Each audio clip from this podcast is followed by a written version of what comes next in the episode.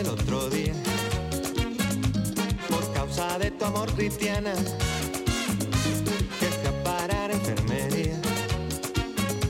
Sin yo tener seguro en cama.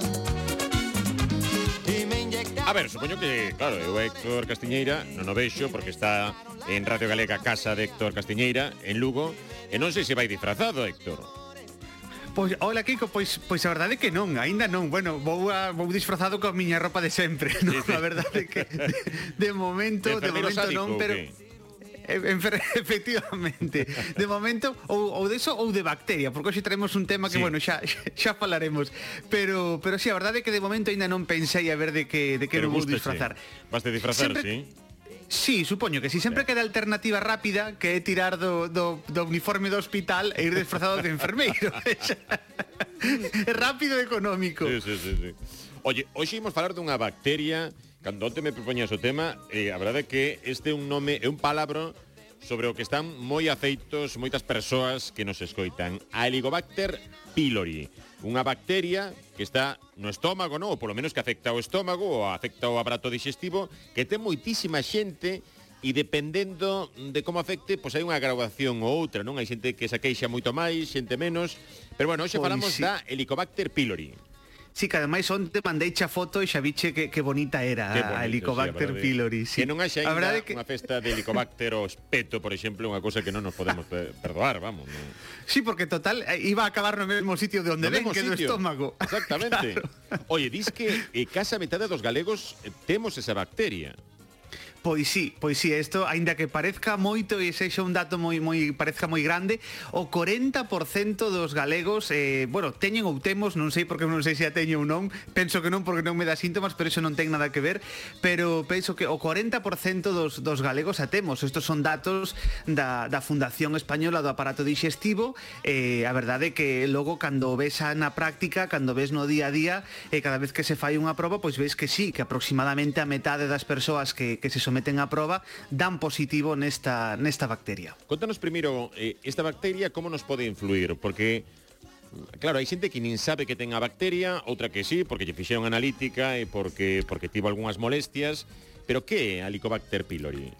Claro, pois mira, eh, a Olivicobacter pylori é unha bacteria, non? É unha bacteria que chega ao noso estómago e cando chega ao noso estómago o que fai é eh, quedar cunha especie de denteciños que ten queda anclada na parede do estómago, queda aí na, na mucosa gástrica, na, por dentro do estómago e queda aí eh, e o que fai aí pois é vivir, basicamente aí vivir eh, e segregar unha serie tamén de de, a vivir, de ¿no? produtos Digamos, a vivir, efectivamente, a vivir. a vivir de nós, a vivir de nós, a aproveitarse de nós, eh, tamén a, a, a estropearnos un pouquiño a, a a, vida porque realmente eh, vai nos producir moi probablemente unha úlcera de estómago pero é que ademais eh, entre os factores todos que, que ten eh, est, negativos esta bacteria é que asociase cun maior risco de padecer cáncer de estómago non? Entón mm. realmente eh, claro non quere decir que esta bacteria nos vai a producir cáncer de estómago pero sí que sumado a outros factores de risco pois digamos que temos eh, máis papeletas non? Para que nos toque ese, ese cáncer de estómago. O que sí que vai nos producir esa úlcera de estómago, ademais de gastrite e un montón de cousas que, claro, te, por eso esa bacteria non ten que estar aí, e se acaso de a que teñamos, pois temos que quitala. E, e como chega aí? Pois chega a través da boca, basicamente, non? É unha bacteria que, que se contaxa eh, de persoa a persoa, basicamente. Ah, Ven non por alimentos, contacto. non? De persoa a persoa. Tamén, tamén, tamén, polo contacto boca con boca, por exemplo, pois eh, a, a, encontras alguén ás 5 da mañá, bueno, estas sí, o cosas. Clásico, vamos. O clásico, Un sábado calquera na vida dos Novoa. Eso mesmo. E, eh, e eh, aí aí podía pasar Helicobacter pylori, ademais de pasar o teléfono, podía pasar Helicobacter pylori e tamén eh, pois eh, co, eh, co contacto de eh, comida ou auga que estea contaminada. Aí tamén se inxerimos esa comida ou esa auga contaminada, pois pois podemos eh, pode chegar esa bacteria que vai aí non a vemos, comémola eh, e queda no noso estómago aí a, a vivir. E que síntomas provoca? Cales son os primeiros síntomas ou que podemos notar se temos esta Helicobacter pylori? Pois a verdade é que pode dar síntomas ou non, non? Eh, se, se temos, a ver, se, se temos, claro, se non temos síntomas, hasta que facemos a proba non o sabemos que temos aí, claro, lóxicamente.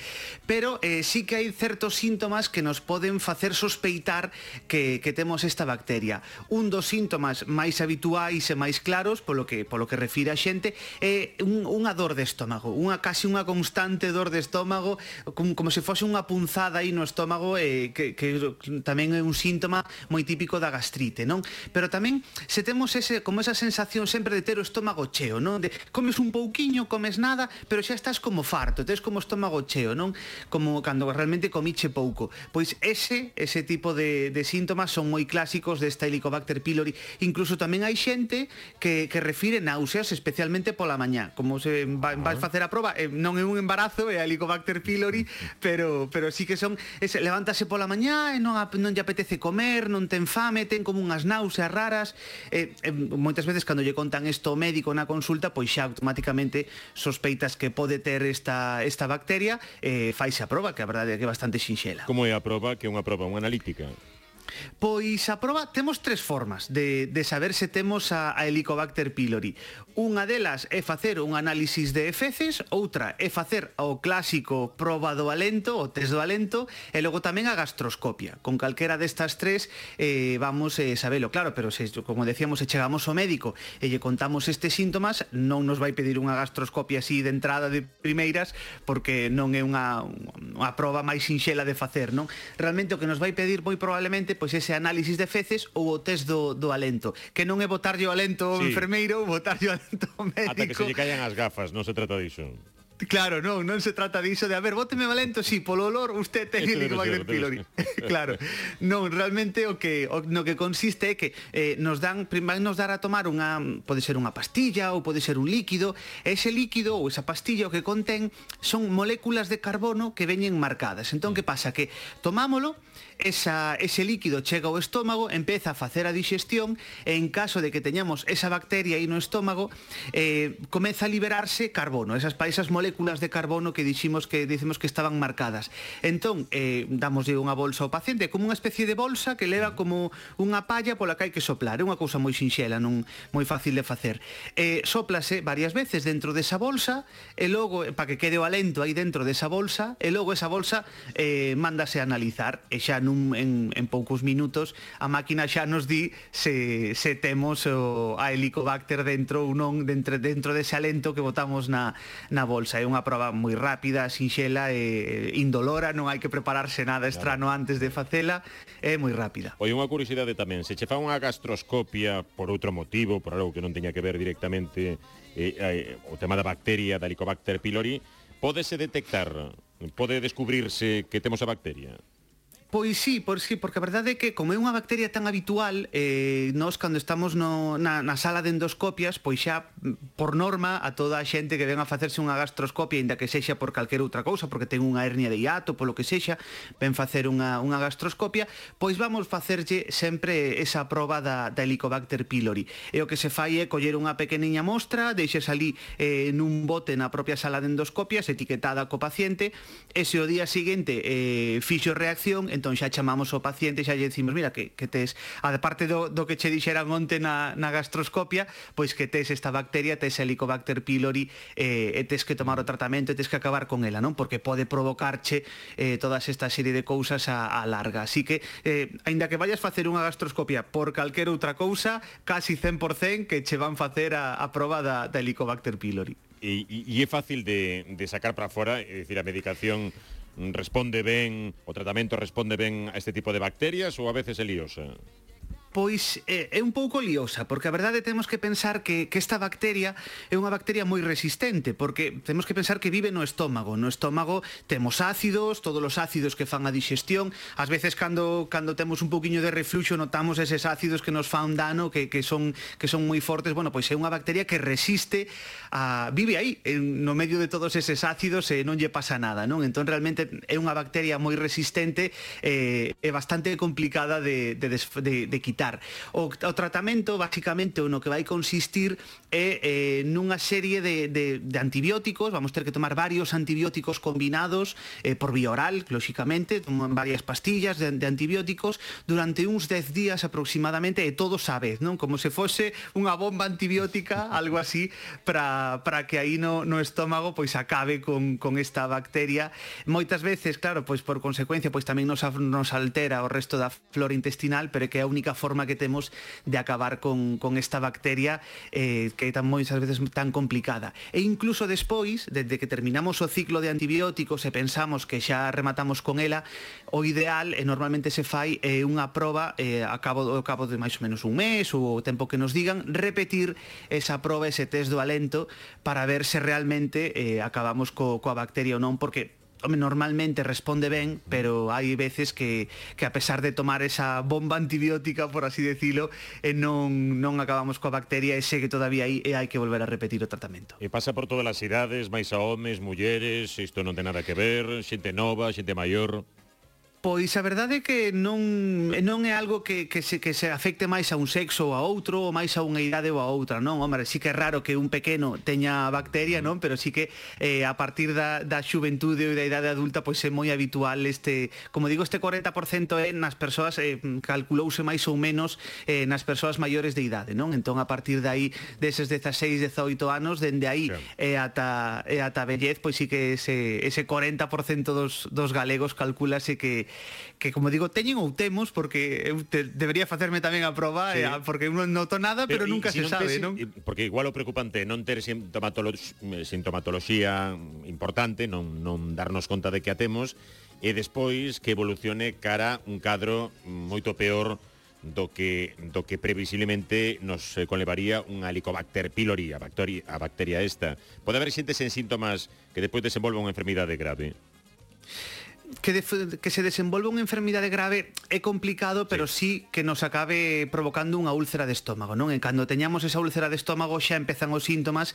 e claro, xa é complicado porque xa temos unha ferida aberta, esa úlcera de estómago, que non é outra cousa que unha ferida aberta aí na, na mucosa do estómago, e que moitas veces os síntomas chegan aí, non? Cando temos xa a úlcera aberta, incluso moitas veces pois cando está sangrando un pouquiño esa úlcera, e nos está dando realmente esa dor, ese problema, eh, o ideal, claro, o ideal sería eh, facernos esta proba para, para saber se a temos. Lóxicamente, terían preferencias persoas que teñan xa síntomas, pero, bueno, non é unha proba que non está de máis facer, porque, ademais, como ve, é, é moi sinxela, é botar o alento nunha bolsiña e soprar aí despois de tomar unha pastilla ou un líquido o que, o que sexa, eh, e non hai problema por facela, é rápida e, e totalmente indolora. Eh, contanos que está un carril cortado na autoestrada baixo a Ponte da Barca en Pontevedra, teñan en conta, eh, pode haber retencións nestes eh, momentos, eh, un carril cortado na autoestrada baixo a Ponte da Barca en Pontevedra. Bueno, compañero, pues nada, espero verte disfrazado por aí. Pois veña, vamos preparar algo e que non sexa de enfermeiro que deixo xa vamos todos os días. Uns eh, acordes, algún tema que nos traías por aquí? Pois para hoxe tiña pensado o, o temazo Down on the Corner de, de Creedence Clearwater eh, E eh, eh, nada, xa está sonando Así que despedimos a Helicobacter con este tema. Veña, adeus Helicobacter. Adeus.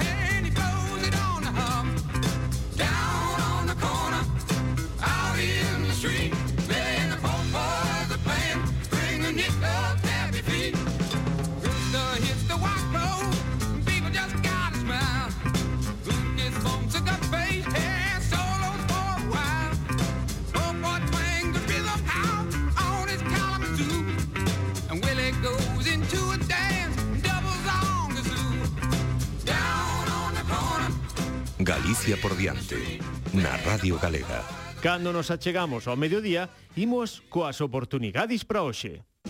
Venga, Gadis, o prazo non é un problema. Nas nosas oportunidades de hoxe temos Chocolate con leite Lind, extra fino, tableta 125 gramos, un euro. En a froitería, amorodos, bandexa 500 gramos, un euro con 49 céntimos.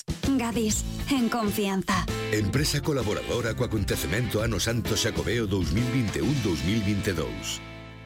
Que pasa, Eva? Dixéronme que vas xogar ao mi día da 11. Agardo que me escollas a min o día da túa boda. Foi mítico, co bufete de queixos do mundo, os bailes en andador da tía Agostiña. Non me compare o día da túa boda con outros días, como o do teu primeiro bico ou o da túa comunión. Veña, Eva, escólleme. As túas datas máis especiais queren facerche gañar o mi día da 11. Por só un euro podes gañar miles de premios. Escolle ben, porque un de cada cinco toca. A todos os que xogades a 11, ben xogado. Xoga responsablemente só se es maior de idade. Pero, onde están os peregrinos? Por favor, outra ración de Arzúa Ulloa. Sí, outra ración para nós tamén. Queixo Arzúa Ulloa, o queixo de sempre, garantido pola denominación de orixe protexida. Queixo Arzúa Ulloa, a tentación do camiño. Ministerio de Agricultura, Pesca e Alimentación. FEADER. Europa inviste no rural. Xunta de Galicia. Cada día máis rico, máis rico. Cada día mellor e mellor. En Torre de Núñez levamos traballando toda a vida para coidar das nosas tradicións. Só así cada entroido pode ser mellor e mellor. Torre de Núñez, por saber e por sabor. Empresa colaboradora co acontecemento no Santo Xacobeo 2021-2022. Cada día mellor e mellor. Este sábado, Galicia en goles. Desde as 3 da tarde, Atlético de Madrid Celta de Vigo, Las Palmas Lugo e a Primeira Federación. Galicia en goles, programa líder de audiencia, con Xuan Galán, Rodrigo Pérez e todo o equipo deportivo da Radio Galega. Zona mixta. Belén Mil, ¿qué tal? ¿Cómo estás? Juan Carlos Unzué, ¿qué tal? ¿Cómo estás? Muchas gracias por darme este espacio. Paco Bullo Betanceiro, ¿qué tal? Muy buenas tardes. Muy buenas tardes, ¿qué tal? ¿Cómo andamos? De luns a venres ven gozar do deporte a zona mixta. Temos noticias, análise, entrevistas. E se non, improvisamos. Eh, Imitamos de Javi Torres Jiménez. Hola, ¿qué tal? Que son moi, moi, moi pesado. Tocha razón vez máis. Entón, que digo? Acceden lítere. Con Carlos Alonso. E Carlos Jiménez. De 3 a 4 na Radio Galega. E a calquera hora en radiogalega.gal. Al pie de la letra, cojones.